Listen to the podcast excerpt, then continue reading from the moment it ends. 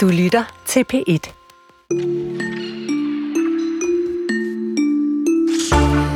Det er på størrelse med en underarm, lavet af voks og har ligget begravet i jorden i 400 år. Hvad er det, mon jeg taler om? Nu har forfatteren Olga Ravn vækket det såkaldte voksbarn til live. Og det her barn som altså har ligget i jorden i 400 år, fortæller en grusom historie inspireret af virkelige hekseprocesser i 1600-tallets Danmark.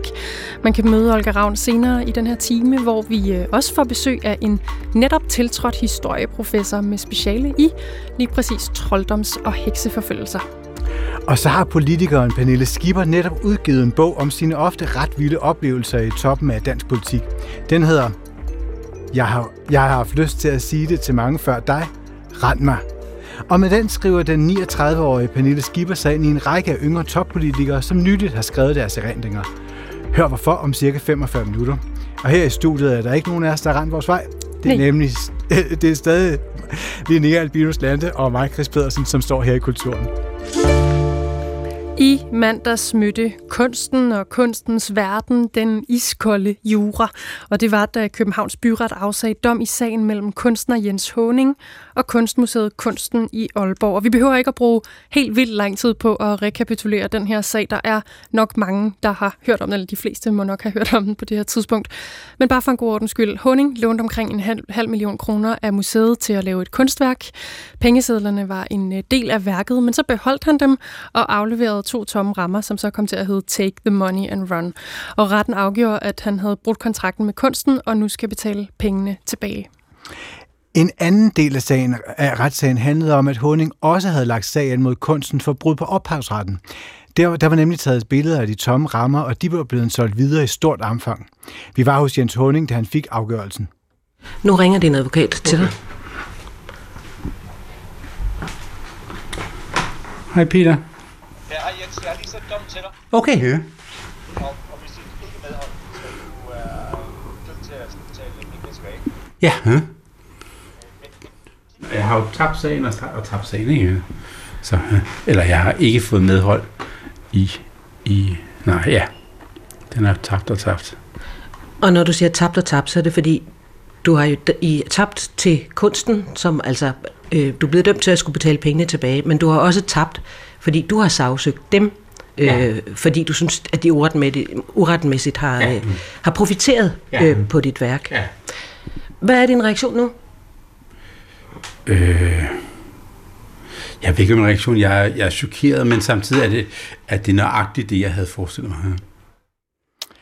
Ingen af delene fik kunstneren ret i, men da vi læste dommen, så faldt vi over en lidt sjov twist, eller et dilemma. For hvis en kunstner skal kunne gøre krav på erstatning for krænkelse af ophavsretten, så skal alle være enige af, at det er et værk. I opretshavsloven står der, den, som frembringer et litterært eller kunstnerisk værk, har ophavsret til værket, hvad enten dette fremtræder som, som egentlig skrift eller tale, ud, eller tale udtryk skønlitterær, faglitterær fremstilling som musikværk eller sceneværk, som filmværk eller fotografisk værk, som værk af billedkunst, bygningskunst eller brugskunst, eller det kommer til udtryk på anden måde. Men hvem forstår det? Og ja. gør det en banan på en væg sat op med gaffetab til et værk, eller to tomme rammer uden pengesedler? Så vigtigt og øh, svært spørgsmål, tænkte vi. Øh, og derfor får vi nu hjælp heldigvis af Sten Schamburg Møller, professor ved Institut for Jura på Syddansk Universitet. Hej Sten. Hej Sten. Uh, hej Sten. Hallo? Hej. der var ikke forbindelse.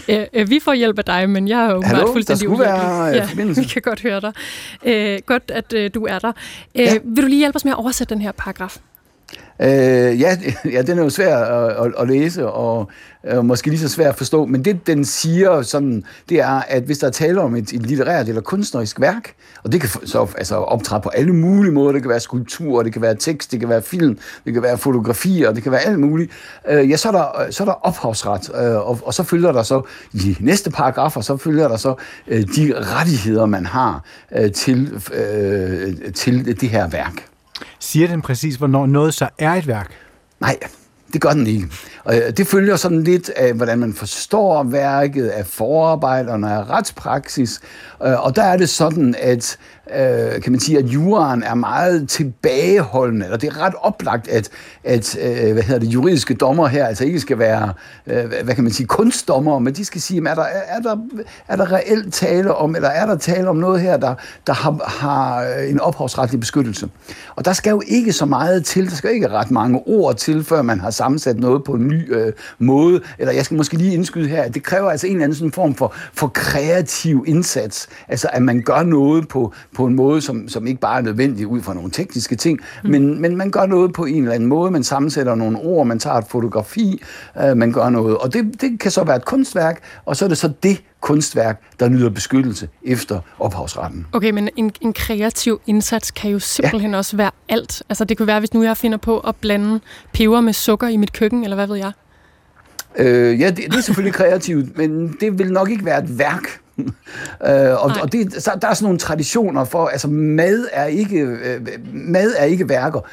Det kan man måske altså, diskutere lidt, men mad er ikke værker, men billeder af mad er værker, og opskrifter på mad er værker. Så hvis du skriver øh, en, en opskrift, hvor du blander peber og sukker og, og, og får et eller andet ud af det, øh, så vil opskriften være et litterært værk. Mm. Okay, der, er sikkert, undskyld, der er sikkert også nogle kokke, der synes, at peber og sukker er en helt oplagt kombi, og det har man altid gjort.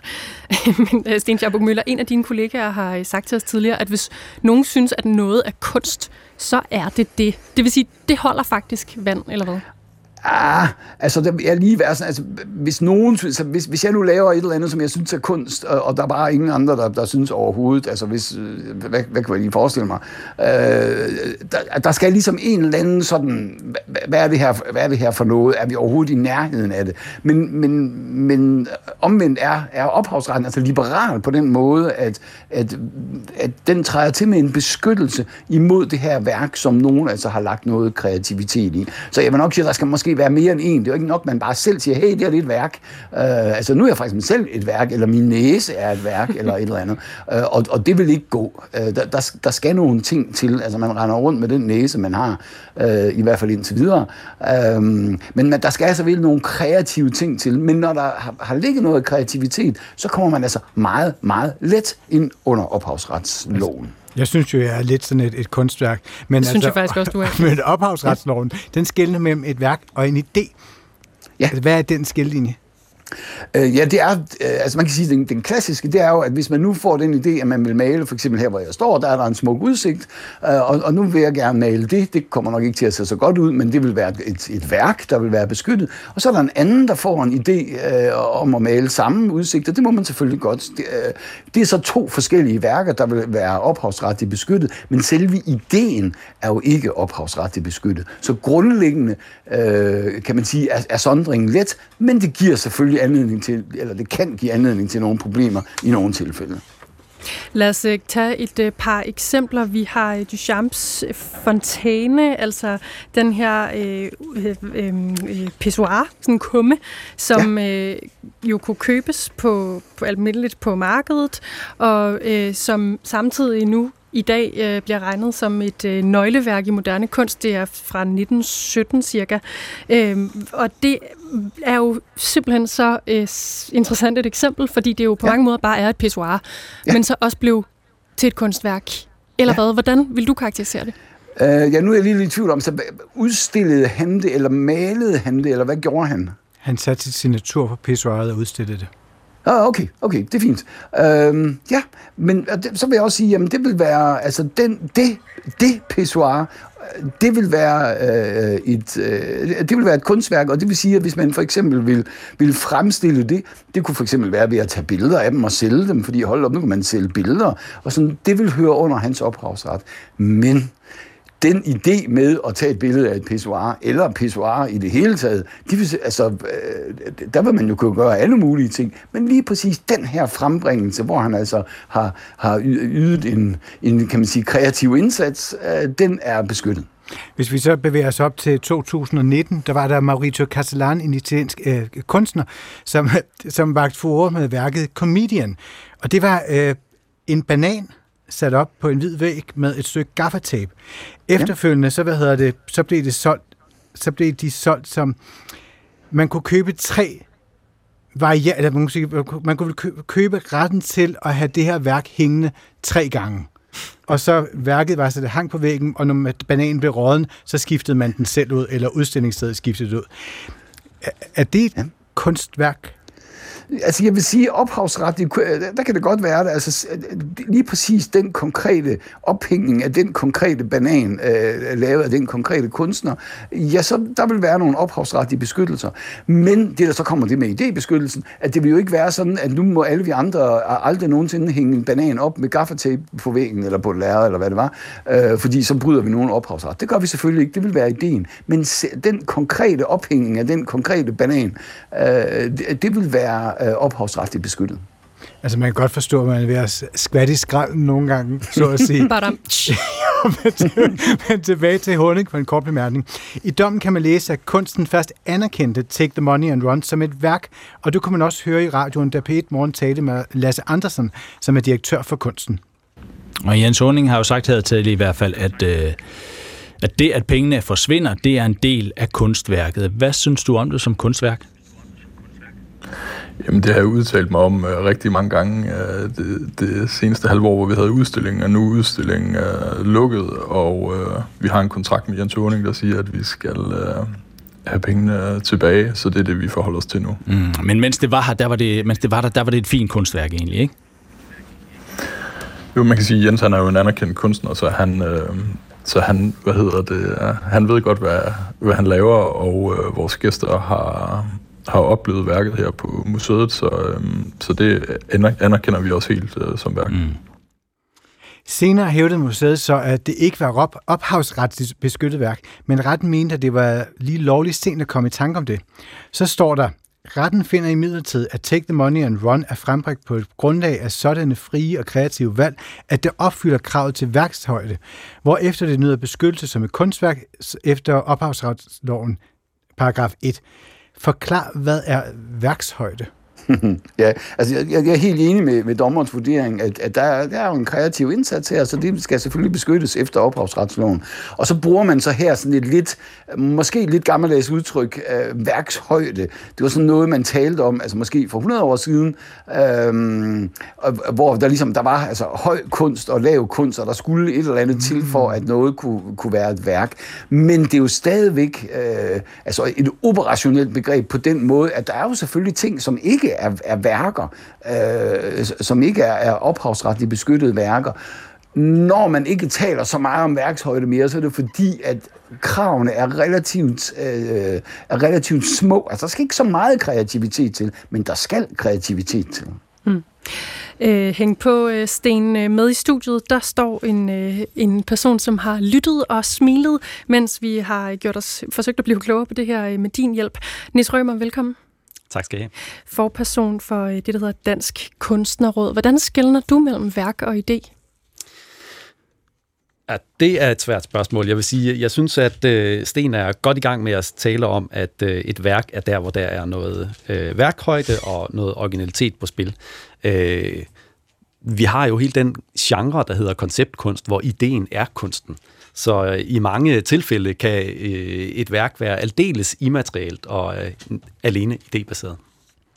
Og kan du også se, altså, hvor gråzonen ligger her?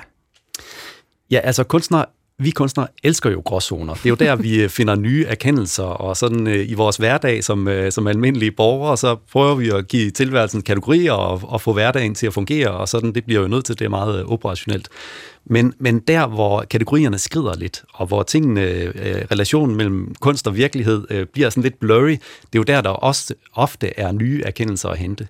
Så derfor er kunstnere jo også rigtig glade for de her, om hvornår er noget egentlig et værk. I har brug for de der gråzoner, faktisk. Ja, det er i hvert fald det er ret godt brændstof, kan man sige. Og hvornår, hvor meget originalitet skal der egentlig til? Og hvis jeg lige må komme med et par øh, korte eksempler, så en kunstner som øh, Alan Kaproff, der laver performances, han øh, gjorde meget ud af at tænke over, øh, hvordan kan vi lave en øh, altså blurring mellem hverdagsliv og kunst. Og så stod han så og børstede tænder og tænkte, når jeg nu er kunstner og børster tænder, kan jeg så få det her til at være en kunstnerisk handling? og det er jo et godt spørgsmål, fordi der er vi jo meget tæt på kunst og hverdag, og det er noget, alle gør. Og man må nok svare, ja, der skal nok mindst være nogen, der ser på det. Det skal formidles i en eller anden grad. Og her er vi ude i, hvor lav kan barn være for, man kan sige, et værks, værks højde. Et andet spørgsmål, for lige at tage den anden der med originalitet, øh, så kunne man pege på Mirle Laderman øh, Euclides, som sådan tænkte, om det der med, at, at værker skal være nye og originale, det er jo egentlig et rimeligt træls regime at være i. Øh, jeg tænker egentlig, at det her med at vedligeholde min verden og mine relationer og øh, være en slags gartner øh, i verden, er super vigtigt og endnu vigtigere. Så hun tog helt det her væk og begyndte at gøre rent i museet eller trykke alle skraldemænd i New Yorks øh, hænder. Og på den måde ligesom sagde, om det her med originalitet, måske er der nogle andre ting, der er, er vigtigere. Så det er bare for at sige, at i de her gråzoner, der ligger nogle vigtige erkendelser, som man ligesom kan tage med sig som, øh, som menneske, men også som kunstner, og, og som er med til at udvide det felt, vi kan arbejde i. Og det er lige meget, om det er musik, teater eller mm. øh, litteratur. Så i sidste nævnte tilfælde her, så handlede det kreative i virkeligheden om at gå imod det, der vil altså, blive betragtet som kreativitet. Præcis, at skabe et uh, rum for refleksion, som jeg synes er super vigtigt. Hvor tit oplever kunstnere, vil du sige, at deres kunst og værker ikke bliver anerkendt for, hvad det er? Æ, altså, altså originalitet. Der, ja, altså der er mange kunstnere, der, der ikke bliver anerkendt økonomisk øh, som sådan. Øh, og så er der mange, øh, som, øh, som ligesom arbejder, og det gør jo Jens Honing jo også, med øh, grænserne mellem kunst og, og virkelighed. Øh, og der øh, er der helt sikker på, at øh, Jens ofte oplever, øh, at folk ikke ved, om det er kunst, de har med at gøre, eller hvordan det, øh, hvordan det hænger sammen. Så det, altså, det sker, og mange kunstnere gør det øh, bevidst. Fisley Weiss for eksempel laver sådan nogle øh, plastikbemalede øh, bronzeskulpturer af malerbøtte og sådan noget malergrej, stiller det ind i museet, så man tror, at her er udstillingen ved at blive skiftet, øh, og folk går bare forbi, og de ser ikke, at det er kunst. Så man arbejder helt bevidst med at øh, lave sådan nogle strategier for at tænke, hvordan kan vi gøre virkeligheden lidt mere ustabil med kunst. Og altså i gamle dage, der var det vel lettere, fordi et værk traditionelt var noget materielt, altså en skulptur, et maleri, en komposition. Og i dag, der udfordres vi hele tiden. Så bananen var et virkelig godt eksempel, men der har jo også altså, stjålne penge, guldfisket, blender, gjort på dåser osv. osv. Den her udvidelse af kunst, kunstværkudvidelsen, altså kalder den på, på skarpere juradefinitioner, Sten? Øh, nej, nej, det vil jeg egentlig ikke mene, den gør. Altså, det er klart, at den stiller selvfølgelig jorden lidt på prøve, øh, når, når sådan nogle ting, der skal tage stilling til de her ting, men netop det, at man, at der, der, der som i den der bestemmelse, som du læste op, ikke, med, med et kunstnerisk og litterært værk, som jo ikke bliver defineret, og det øh, mener jeg sådan set er, er netop er et gode, fordi hvis der nu stod præcis, hvad det er, og hvad det ikke øh, er, og sådan, så vil man jo hele tiden løbe ind i, jamen, hvad, så, så, så vil der være nogle definitioner, som, som, som vi om 10 år vil sige, det var da noget mærkeligt noget. Så der er det jo meget bedre at have et lidt bredere begreb, som værk for eksempel. Og så må man sige, jamen det der måske for 50 år siden, eller hvad ved jeg, ikke blev anerkendt, ja det, det er anerkendt nu som værk, og så bliver det selvfølgelig ophavsretligt beskyttet. Så på den måde er, er, er den, altså når man, når man har sådan et lidt bredere begreb, så giver det en, en mere sådan fleksibel øh, mulighed for netop at indoptage nye kunstformer, som man jo ikke på forhånd kan forudsige. En helt kort afsluttende kommentar, Nis Rømer. Ja, det er jo fantastisk, og jeg synes egentlig, at Jens Honing igen er et super godt eksempel på et, et værk, der udfordrer de her ting. Altså, skal man have penge for at tage andre folks penge? Ja, det skal man. Man skal have et honorar. Det er et pissegodt værk, så øh, det er meget klart. Og hele tiden så støder kunsten jo på de her grænser og prøver at, at afprøve dem, og øh, det er klart, at vi må have et flydende kunstbegreb, og så må vi tage den derfra, som samfundet ændrer sig. og vi tager den derfra. Tak for, at du kom, Nis Rømer, forperson i Dansk Kunstnerråd, og også tak til Sten Schamburg Møller, professor ved Institut for Jura på Syddansk Universitet. Ja, selv tak.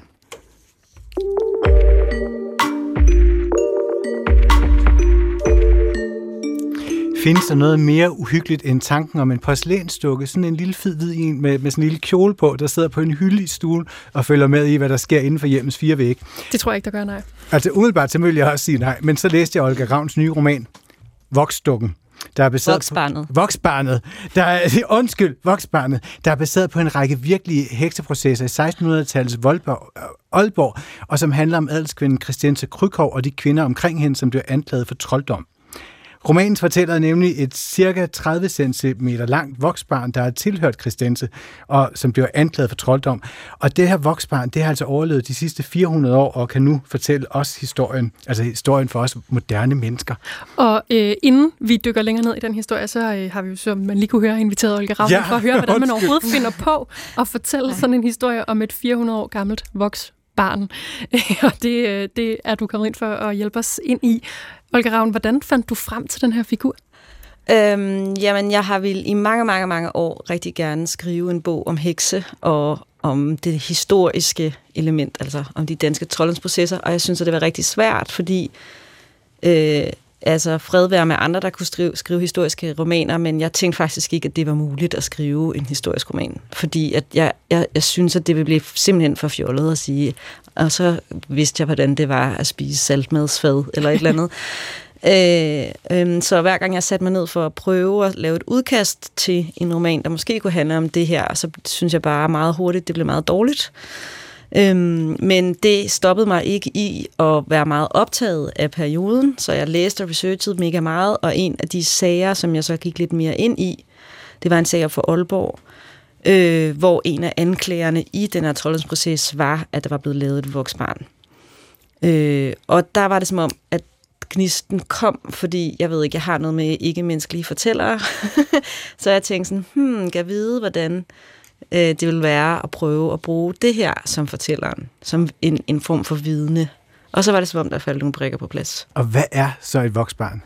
Et voksbarn er øh, en dukke øh, lavet af bivoks, Øh, vi ved jo ikke præcis, hvordan de har set ud, men vi kan se på sådan forskellige katolske voksfigurer, det nok er derovre, så det er ikke en baby, altså det er mere bare en menneskelig figur.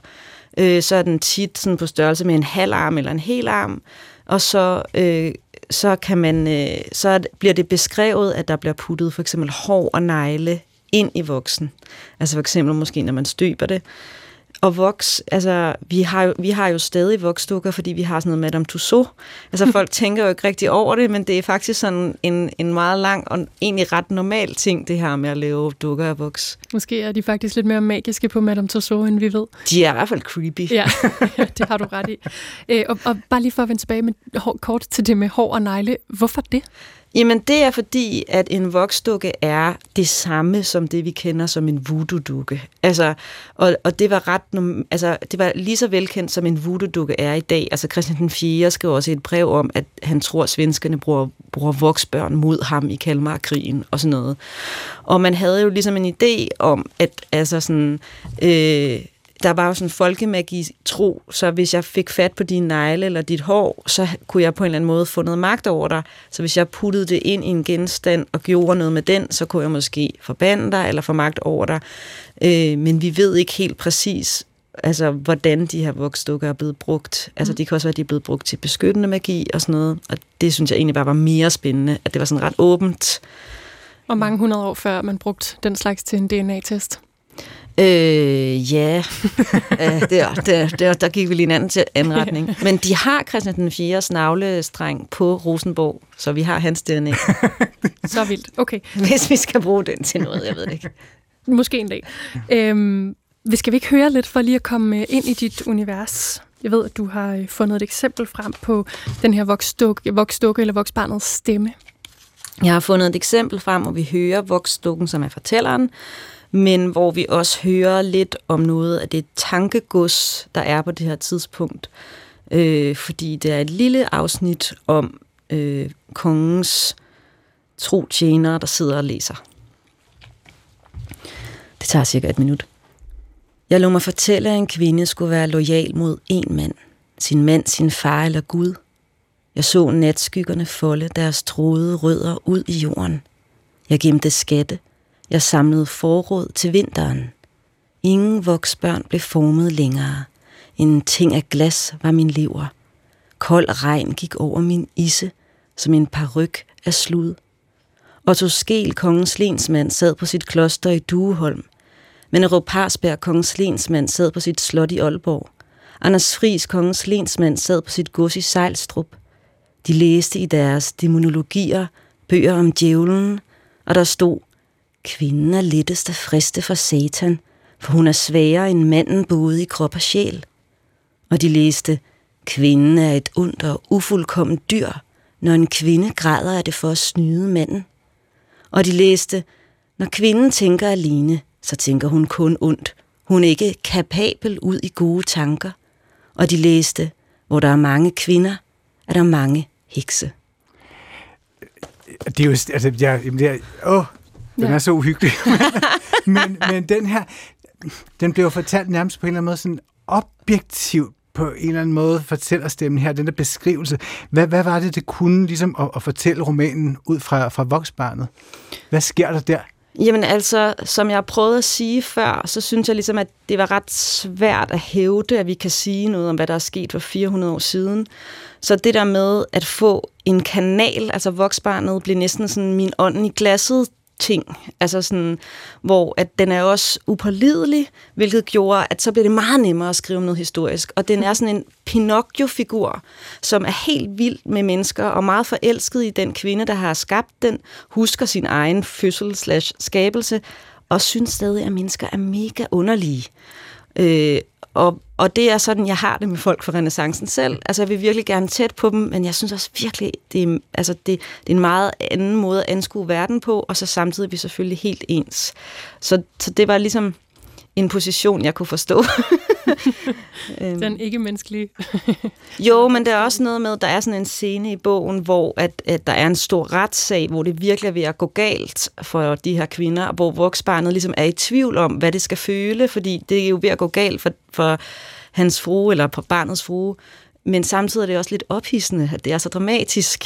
Hmm. Mm. Øh, så det, det der, det er sådan lidt en karakter, som er beyond, hvad der er moralsk, måske. Nu nævnte du lige fruen, og det er jo hende her Kristance Krukov. Hvem er hun? Kristance Krukov øh, var en dansk adelskvinde. Altså hele den her bog bygger jo på historisk materiale, og jeg har besøgt i mange, mange år, og det er ligesom baseret på virkelige hændelser og levende karakterer. Og Kristance Krukov var en adelskvinde, og hun er den eneste adelskvinde, adelskvinde i Danmark, der blev dømt for trolddom. Og det, det, at hun var adelig, tror jeg simpelthen gør, at der er blevet dokumenteret mere, og derfor er det en interessant sag for mig, fordi at så er der altså flere, mere kildemateriale. Mm.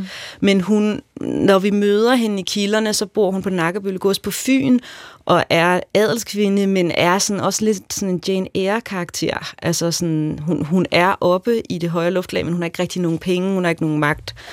Og så, så bliver hun så anklaget der på Fyn for hekseri, og lykkedes så med at tale sig ud af det. Der er to der bliver brændt og flygter så til Aalborg, men hvor hun så bliver indhentet af sit trolddomsrygte. Hmm. Og hun, er sådan, hun har skabt den her voksdukke i sin fortid, og så er hun en del af et meget stærkt kvindefællesskab, som jeg tror gjorde indtryk på både Chris og mig, da vi læste din roman. Hvad, vil du sætte nogle ord på, hvad karakteriserer det der bånd, de kvinder, som Christance er så en del af? Mm, altså, vi kan jo se, da jeg begyndte at tænke, at jeg vil gerne skrive noget om trolddomsprocesserne, så var jeg meget optaget af det her med, at kvinderne an, angiver hinanden. Altså sådan, hver gang der er en, der bliver fanget, så siger hun, hvem den næste er, og så kan der rulle en ny sag. Og så fandt jeg meget hurtigt ud af, at det er fordi, de bliver tortureret.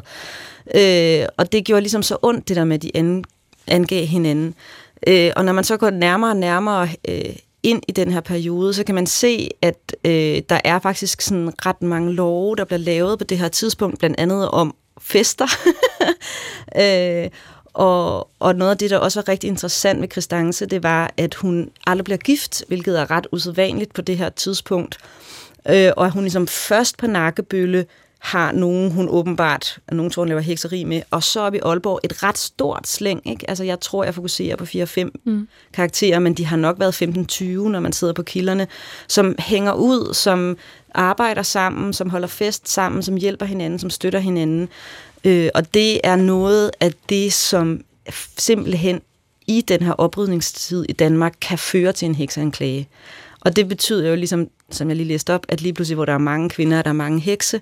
Og det synes jeg var rigtig spændende og tragisk, og vil gerne undersøge, hvordan det her fællesskab går, er, hvor skrøbeligt det er, hvor hurtigt det går i stykker.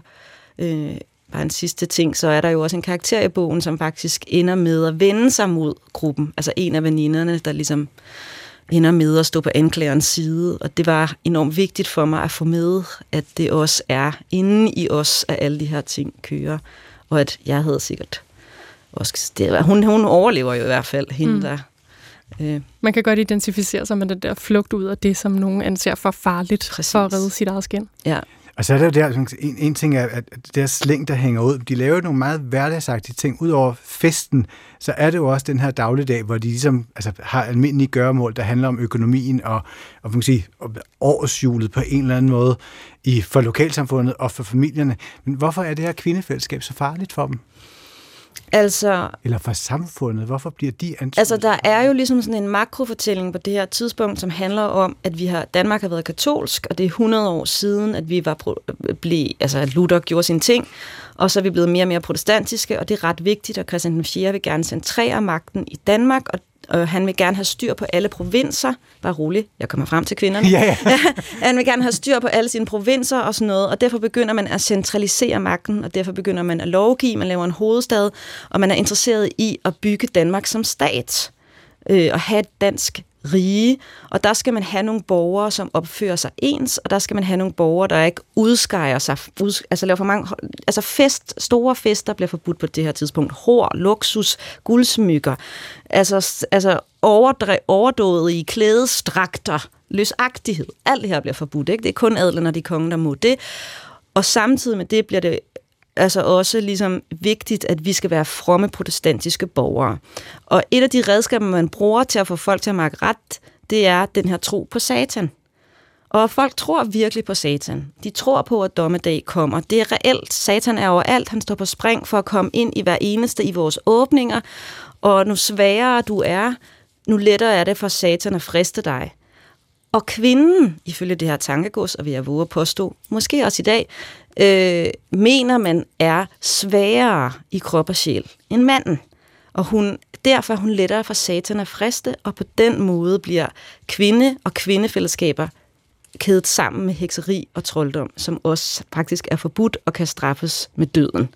Så der opstår den der forbindelse, og selvom vi måske ikke tror så meget på satan i dag, jeg gør i hvert fald ikke, der er jo nogen, der gør, øh, så, så kan jeg stadig godt opleve det der med at sidde mange kvinder sammen, og så måske slå en skraldlatter op, og så kan jeg mærke ubehaget i de andre cafégæster. Altså sådan, det er som om, der stadig er en skygge for det der med, hvad pynser de på, de der store kvinder, ikke? Mm. Er der noget loyalitet, der skal ligge hos far, eller ægtemand, eller Gud, som, altså sådan, det er som om, de, den der loyalitet, den skal hele tiden ligesom rettes ind, fordi ellers så, så ved jeg ikke, så lige pludselig så flyver de til Bloksbjerg og kysser satan i rumpen eller et eller andet. Så det er også en måde, du identificerer dig med de her kvinder på. Det er faktisk nogle direkte paralleller til, hvordan man i dag forventer, at for eksempel du opfører dig. Ja, det er fordi, jeg har sådan et, øh, et tvangsmæssigt behov for at forstå ting til bunds. så er jeg ligesom sådan meget optaget af, nå okay, det her med at straffe kvinder for udskejelser, Hvornår er der blevet lovgivet om det? Nå, okay. Og så er der sprogepigerne, og så er der heksene og sådan noget. Ja, det, det, det synes jeg er ret... Det, jeg synes, at det er dejligt at forstå øh, øh, følelsernes øh, kulturhistorie. Ja, og tak til dig, Olga Ravn. Du bliver stående lige herinde, og i morgen der udkommer Voksbarnet den 22. september på forladet Gyldendal. Men øh, her i over en telefonlinje, der har vi også besøg af Ja. Louise, Louise. Nyholm Kallestrup. Hun er faktisk øh, på en, ja, en, slags, en anden slags linje i et studie i Odense. Hej Louise. Hej. Du, øh, nu siger jeg det lige til lytterne, men du ved det jo godt. I tirsdags blev der holdt en tiltrædelsesforelæsning, fordi du øh, tiltrådte som professor i historie på SDU med speciale i trolddoms- og hekseforfølgelser, så timingen kunne jo nærmest ikke være bedre, kan man sige, for din forelæsning og øh, Olga Ravns roman. Tillykke, Louise! Tak, mine venner, i lige måde. Øh, og den her forelæsning, den handlede om, hvordan forfølgelserne i dag tit bliver anset for at være et kuriøst add-on til den rigtige historie, som du selv kalder det. Øh, for dig er det her studie af hekseforfølgelser altså mere en, en sådan meget vigtig brik i Danmarks historie. Sæt lige nogle ord på, hvorfor. Jamen, det er det jo, fordi, at øh, som, som Olga også er inde på, altså det her det er jo en del af, af mennesker, både højt som lavs, verdensforståelse og verdensbillede. Så vi kan ikke, øh, vi kan ikke pille troen på det onde og troen på det, vi kalder det, øh, altså det mange kalder overtroisk, det kan vi jo ikke pille ud. af, af fortidens mennesker, bare fordi vi synes, det er forkert, eller eksotisk, eller, eller noget vrøvl, eller ikke tror på det selv. Altså det her var en, en, en, en vigtig del af folks måde at, at, at anskue verden på, og det var ligegyldigt, om man var konge, eller om man var bonde, eller om man var præst. Og, og altså den der troldkone som antitypen på den gode kristne kvinde, altså hun var et skræmmebillede, men hvordan blev det brugt? Jamen, det blev brugt øh, øh, ganske aktivt, især af reformatorerne, som jo efter reformationen i 1536 skal vise, at, at nu er det vigtigt at blive en god luthersk evangelisk øh, kristen, eller en protestant kan vi også bare kalde det, men det er jo Luther, der er, er, er ham, der sidder på det i Danmark. Øh, og så skal, man, så skal man smide alt det katolske væk, og så skal man blive en god protestant. Og, øh, og øh, den værste type øh, af, af, af en kvinde, det er en troldkvinde, og hun bliver kædet sammen med alt det, som Olga også nævnte før, hårkvinden og den løsagtige kvinde. Øh. Så, så alt det negative, det bliver ligesom, altså det kulminerer ligesom i troldkvinden. Hmm. Hvordan har man i, i historisk skrivning, historisk set, så beskæftiget sig med de her forfølgelser, altså det, som du gerne vil øh, gøre op med, kan man sige? Jamen, ganske hurtigt efter trolddomsforfølgelserne stopper, det vil sige, at vi er ikke ret langt op i 1700-tallet, så begynder man at se de her personer, der er blevet forfulgt for ofre. Og, øh, og den, den består jo sådan set indtil i dag, at vi synes jo, det er forfærdeligt, det der skete. Øhm, i slutningen af 1800-tallet, øh, hvor vi ligesom havde en meget tydelig kulturhistorisk bølge i, i historieskrivningen, både den danske og den internationale, der var man vældig optaget af det her, man var vældig, vældig optaget af folkloren. Men så kommer der en, når vi når op i det 20. århundrede, godt op i det 20. århundrede, en, en bølge af politisk og økonomisk historie, som jo er mindre optaget af den type historie, som trolddomsforfølgelserne jo er, er udtryk for. Så vi ser ganske enkelt i, altså den Danmarks historie, der udkommer i midt i 70'erne, den har ikke et ord om trolddomsforfølgelser eller, eller fromhed eller åndelighed i det hele taget. Det er en politisk og økonomisk Danmarks historie. Og så sker der noget i 90'erne, ikke? Jo, så får vi jo, øh, og det kommer sådan set op i 80'erne, det man kalder mentalitetshistorien, og det slår igennem, kan vi se i den Danmarks historie, der bliver udgivet øh, omkring 1990, der kommer sådan slut 80'erne, start 90'erne, øhm, hvor det bliver mere accepteret. Det hænger jo selvfølgelig sammen med kulturhistorien, vinder for alvor indpas igen. Og så, øh, og så vil jeg sige, det er, jo et, det er jo et ganske stort forskningsfelt, både internationalt og nu der gudskelov også øh, ved at komme opmærksomhed på det herhjemme. Men, øh, men det er jo ikke sådan, så du kan slå op i en biografi om Christian den 4., og så er der et langt kapitel om hans engagement i det her, eller hans tro på det her. Det, det bliver typisk sådan en lille, øhm, en, et lille ekstra kuriøst kapitel om, hvor fjollet det også var, uden at jeg så i øvrigt vil sige noget øhm, om, om dygtige biografer. Nej, netop det med, at du, du nævner det her, det, det kuriøse addon, hvilket er helt vildt at, at bruge i forhold til hekseforfølgelse og, og afbrænding af kvinder. Hvordan oplever du, at folk i dag forholder sig til hekse- og trolddomsforfølgelserne som en del af vores fælles historie? Jeg oplever en, en stor interesse omkring det. Det kan øh, Olga garanteret også bekræfte. Øhm, jeg jeg øh, er rigtig ofte ude og holde foredrag om det her. Jeg bliver rigtig tit kontaktet, både af lægfolk og, og journalister, og jeg kan jo se, at det har helt sit eget liv på sociale medier. Men jeg oplever det også øh, som historiker, som en, en, jeg vil næsten sige, ligesom alt muligt andet på de sociale medier, altså som polariseret øh, diskussion. Øh, altså som historiker er vi jo ikke så, vi er jo ikke så pjattet med at skal dømme fortiden. Altså det vil jeg lade andre gøre. Men, øh, men vi vil meget gerne forklare og udlægge fortiden, og forklare, hvorfor at det måske ikke var, var naturligt, men i hvert fald heller ikke naturstridigt at forfølge troldfolk i 15-1600-tallet. Og hvis du gerne vil forklare det, så bliver du altså let øh, skudt i skoene, at du tager forfølgernes parti. Øh, så der skal man anstrenge sig for ikke at, at blive sat over i den bås. Ja, Louise Nyholm Kallestrup, vi hørte jo også lige Olga Ravn fortælle om det her med et ret begrænset kildemateriale. Hvis vi havde med en adelig at gøre, så var det måske lidt nemmere, så lå der lidt flere informationer. Men når man nu har som historiker, som du har en kæphest om at skrive de her forfølgelser ind i historien igen og få dem accepteret og anerkendt, hvordan gør man så det som en moderne historiker? Jamen, så går man til kilderne.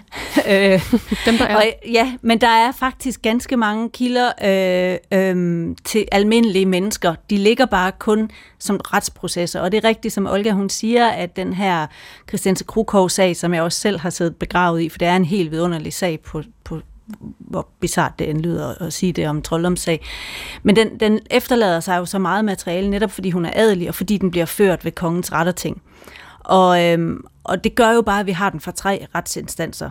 Øhm, fordi vi har nogle menige troldfolk, hvis man kan kalde det det, og så Christense selv, som er adelig. Men, øh, men ved landstinget, der har vi faktisk øh, hundredvis af sager bevaret. De er bare utrolig vanskeligt tilgængelige for, for lægfolk. De er skrevet på, på krøllede gotiske bogstaver. Du er.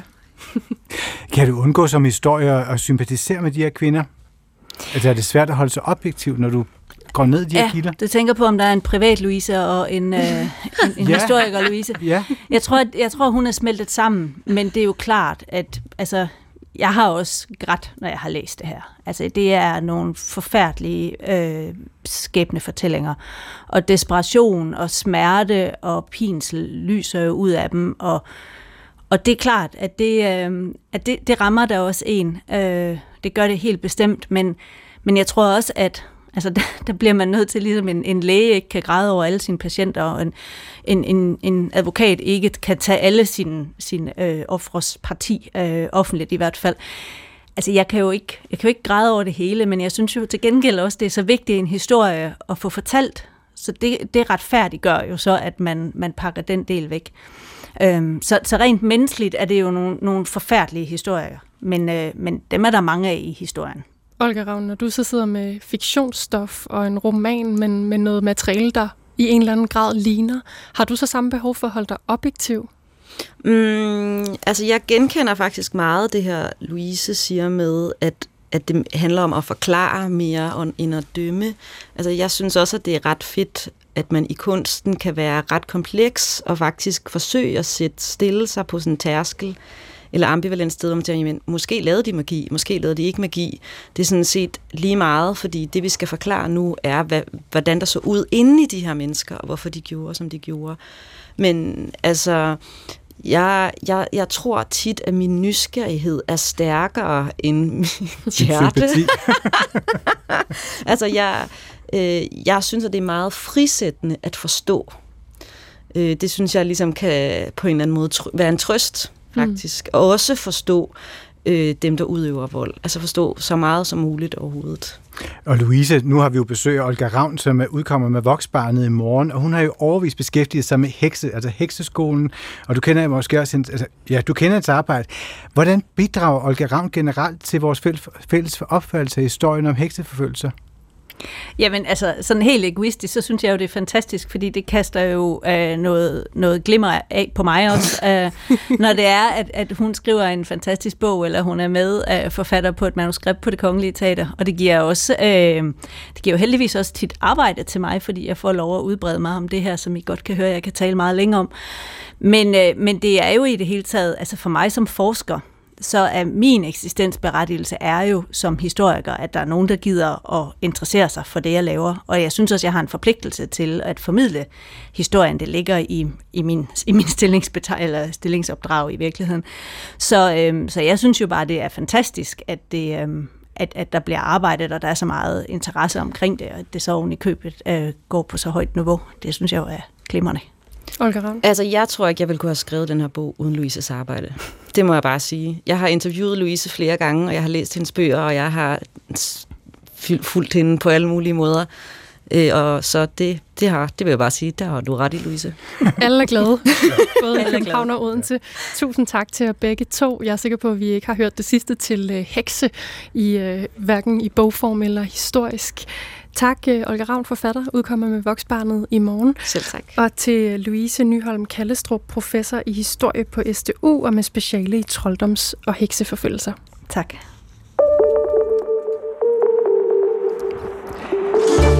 I januar måned udkom Jakob Marks bog Fartblind. I juni udkom Alex Varnopslags bog Vejen til ansvar, og i mandags færdiggjorde Pernille Skipper hattrækket med af selvbiografier fra unge politikere, da hun udgav bogen Jeg har haft lyst til at sige det til mange før dig.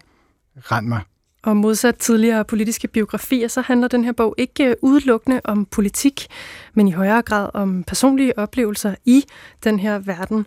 Til podcasten Genstart fortæller Pernille Skipper sådan her om en øh, episode, der også optræder i bogen.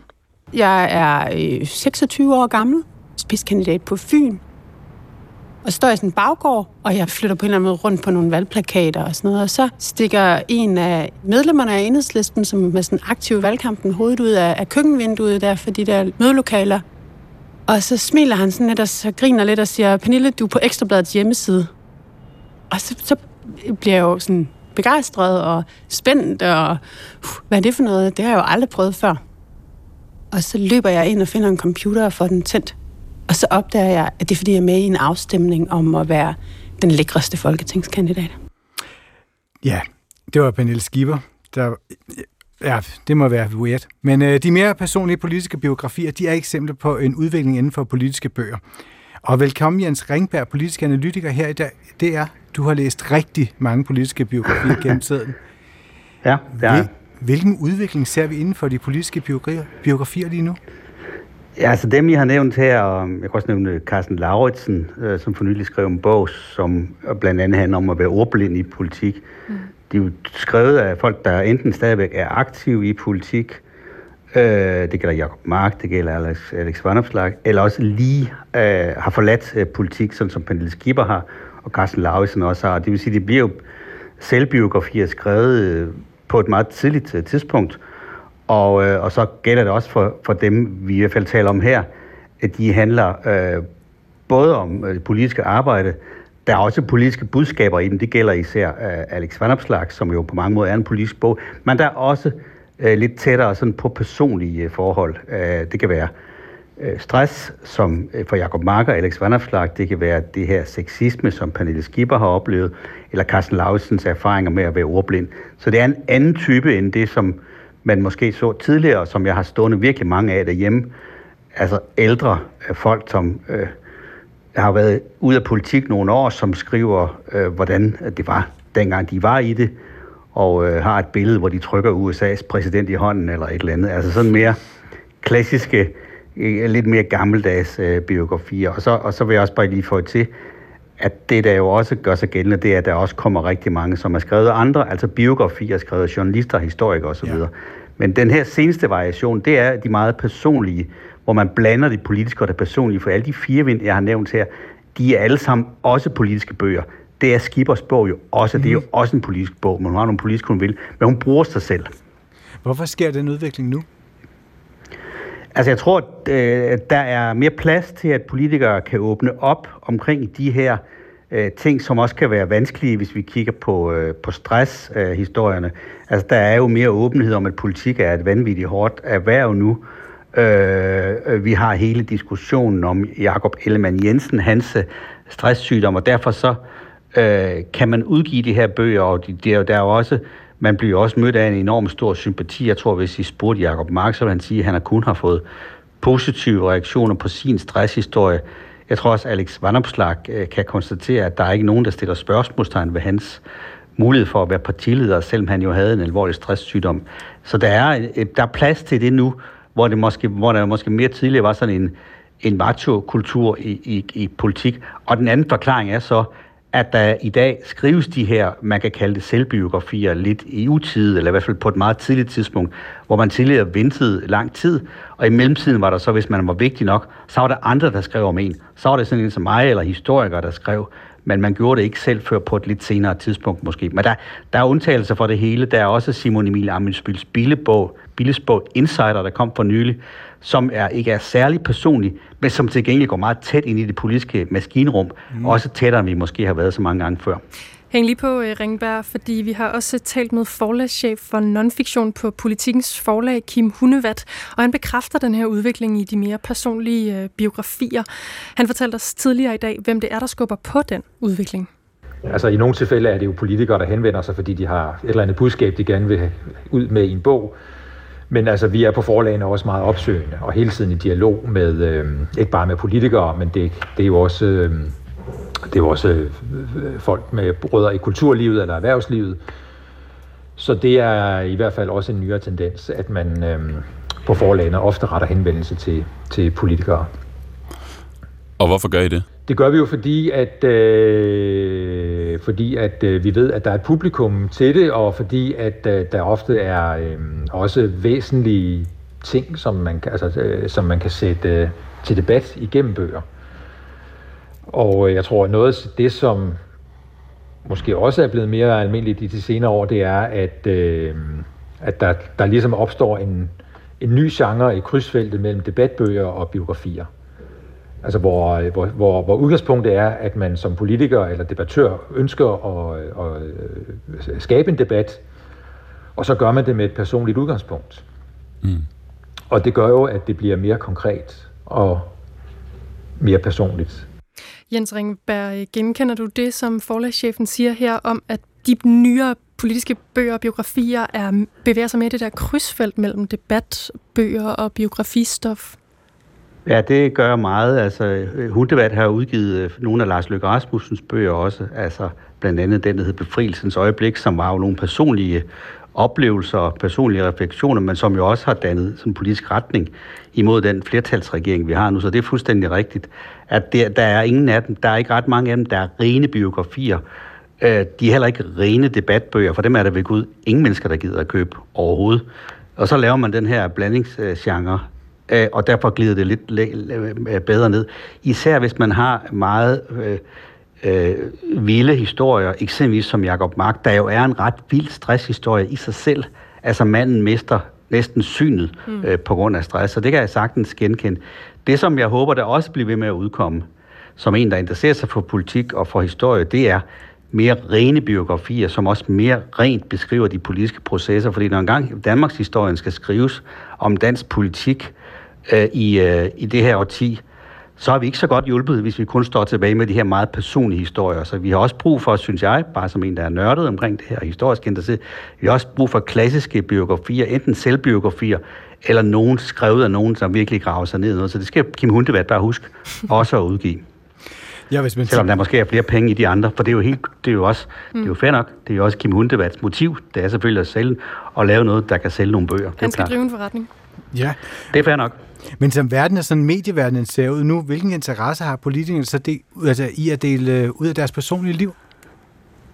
Og der tror jeg, de har, det kan der være mange motiver til. Altså hvis du tager Pernille Skipper, som vi hørte et klip med for nogle minutter siden, hun har jo helt klart interesse i stadigvæk at skubbe til en politisk, en politisk dagsorden, hvor kvinder har øh, bedre vilkår inden, inden for politik, end de har nu, hvor man ikke skal kæmpe mod det, øh, den sexisme, som hun har mødt. Hendes bog er jo et redselskabinet af ulækre beskeder, hun har fået fra klamme mænd igennem en lang politisk karriere.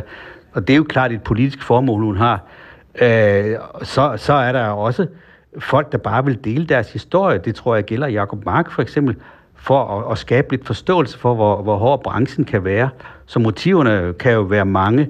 Hvis du tager Alex Vandopslags bog, så bruger han sin egen historie, øh, men, øh, men det er jo også en politi- et politisk statement, som fortæller noget om, hvor vil han hen med Liberal Alliance som partiformand, så der kan være mange forskellige øh, motiver. Øh, og så øh, tror jeg også, at øh, nogen bare synes, det er, det er godt at få fortalt deres historie, skabt noget forståelse for det, de nogle gange selv har stået i. Så der kan være mange forskellige motiver, tror jeg. Og så er der jo så også det, at forlagene til synligheden er ret proaktive med at række ud til nogen, altså øh, når nogen, der er, ligesom er, er spændende. Lad os lige øh, snuppe et øh, kort klip mere. Øh, en politiker, der i år udgav en klassisk politisk biografi, det er fra programmet Slotsholmen. Carsten Lauritsen, du var skatteminister fra 2015 til 2019, og den her lettelse, du fortæller om, da du slap for at være minister, den beskriver du også i din nye bog, Lad det gå langsomt. Den udkommer i dag. Tillykke med den. Tak. Det borgerlige Danmark mister magten til jeres affjender i Socialdemokratiet. Alt det, du har kæmpet for i alle dine vågne timer i årvis herinde på Christiansborg, det er væk. Og du står og er lettet og ligefrem glad, fortæller du. Havde du virkelig at være minister så meget? Nej, jeg havde det. Jeg, jeg var på mange måder vild med at være minister, men, men de rammebetingelser, der bliver stillet, øh, embedsværket og, og en minister, særligt på et stort driftsområde som skatteminister, der er mange ting, man skal have driftsmæssigt og lovgivningsmæssigt, at timerne slår slet ikke til. Vi har været lidt inde øh, omkring Carsten Lauritsen tidligere, ja. Jens Ringberg, men altså er hans bog mere sådan et klassisk eksempel på en politisk biografi? Ja, og så er den alligevel ikke 100%, fordi alene titlen, den øh, siger jo også noget om, at han har noget, han gerne vil sige til os. Mm. Han synes, det skal gå langsommere i politik. Men den er mere, øh, den er mere erindringsagtig om jeg så må sige, Carsten Lauritsen. Og det er også fordi, den er skrevet på et tidspunkt, hvor han helt sikkert er helt ude af politik. Og derfor er han ret øh, åben omkring også de frustrationer, der ligger i, i jobbet. Men den er ikke 100 der skal han, øh, rendringsagtigt, så skal han øh, formentlig være en 20-30 år gammel, øh, ældre og sidde på plejehjemmet og skrive den. Så kan den blive meget erindringsagtig. Men det er så et andet problem med de der bøger, der skrives af meget gamle mennesker. De bliver tit sådan lidt anekdotiske, så det er heller ikke så let. Men Carsten Lausen er en mand, der ikke skal tilbage til politik, og derfor skriver ret frit om det. Og derfor bliver han også i det klip, vi hører her, en god kilde til forståelsen af, øh, hvor svært det var at være, øh, især den sidste regering, han sad i den såkaldte Black-regering, som var en ret håbløst fungerende regering. Og Jens Ringborg, he- helt kort her til sidst. Hvordan tror du, de politiske biografier kommer til at se ud om 10 år? Bliver vi trætte af de her helt personlige fortællinger? Nej, jeg tror, de bliver, jeg tror, der kommer flere. Øh, Jeg tror, at der er flere, der får lyst til at gøre en eller anden form for midtvejsstatus. Også fordi man kan se, at de her personlige beretninger, de giver et afsæt for, at man så også fremlægger øh, politiske forslag, politiske tanker. Øh, Og jeg tror, at politikerne vil føle et stadig større behov for, at vælgerne lærer dem bedre at kende, øh, for at række ud efter deres stemmer. Det jeg bare håber, det er, at der så også kommer rigtige biografier, skrevet lidt på afstand, og med mere analytisk præg, end de her sådan øjebliksbilleder om, omkring øh, noget sygdom og noget personligt, som vi ser en del af for tiden. For ellers kan vi ikke tegne et ordentligt billede af historien, når den skal skrives en gang. Mm. Og så kan de der personlige biografier gå sådan lidt hånd i hånd med, at vi hele tiden kan se, hvad politikerne laver, hvis vi tjekker ind på deres sociale medier. Det er helt rigtigt. Mm. Tak for, at du var med, Jens Ringberg. Velbekomme. Politisk analytiker her i øh, DR. Hvad sker der på Christiansborg? Ingenting, ingenting, ingenting. Vi lever i en boble. Nu skal du stå tidligt op om søndagen for at tale med om ugens aktuelle historier. Verden er i forandring. Danmark er i forandring. Det her er programmet, der handler om det. Den nye sæson af Akkurat på P1 sender allerede fra 12.15. Det er jo en langt mere kompleks verdensorden, vi navigerer i. Selvfølgelig bliver der nødt til at være vækst for at løse klimaudfordringerne. Akkurat med Clemen Kærsgaard. Det bliver en smertefuld og virkelig svær debat. Super skræmmende, men også mega spændende. Hver søndag 12.15 på P1 og i DR Lyd. Lige om lidt er der radioavis, og så kommer der orientering. Og inden det sker, så går kunstværket Chris Pedersen ud af studiet. skal, jeg, skal jeg gøre det sådan nu? Ja, nej. Ja det kan du gøre. studiet? Øh, og til dem, der ikke ved, hvad jeg taler om, så kaldte Chris Pedersen sig selv for et kunstværk, da vi gik i gang med den her udsendelse. Den er produceret af øh, Natasha Jarsi, og jeg hedder Linnea Albinus Lande. Chris Pedersen har forladt lokalet, smækket med døren. Der er fjerde division i det her sendetidspunkt i morgen, men vi er selvfølgelig tilbage igen på mandag. Ha' en dejlig aften.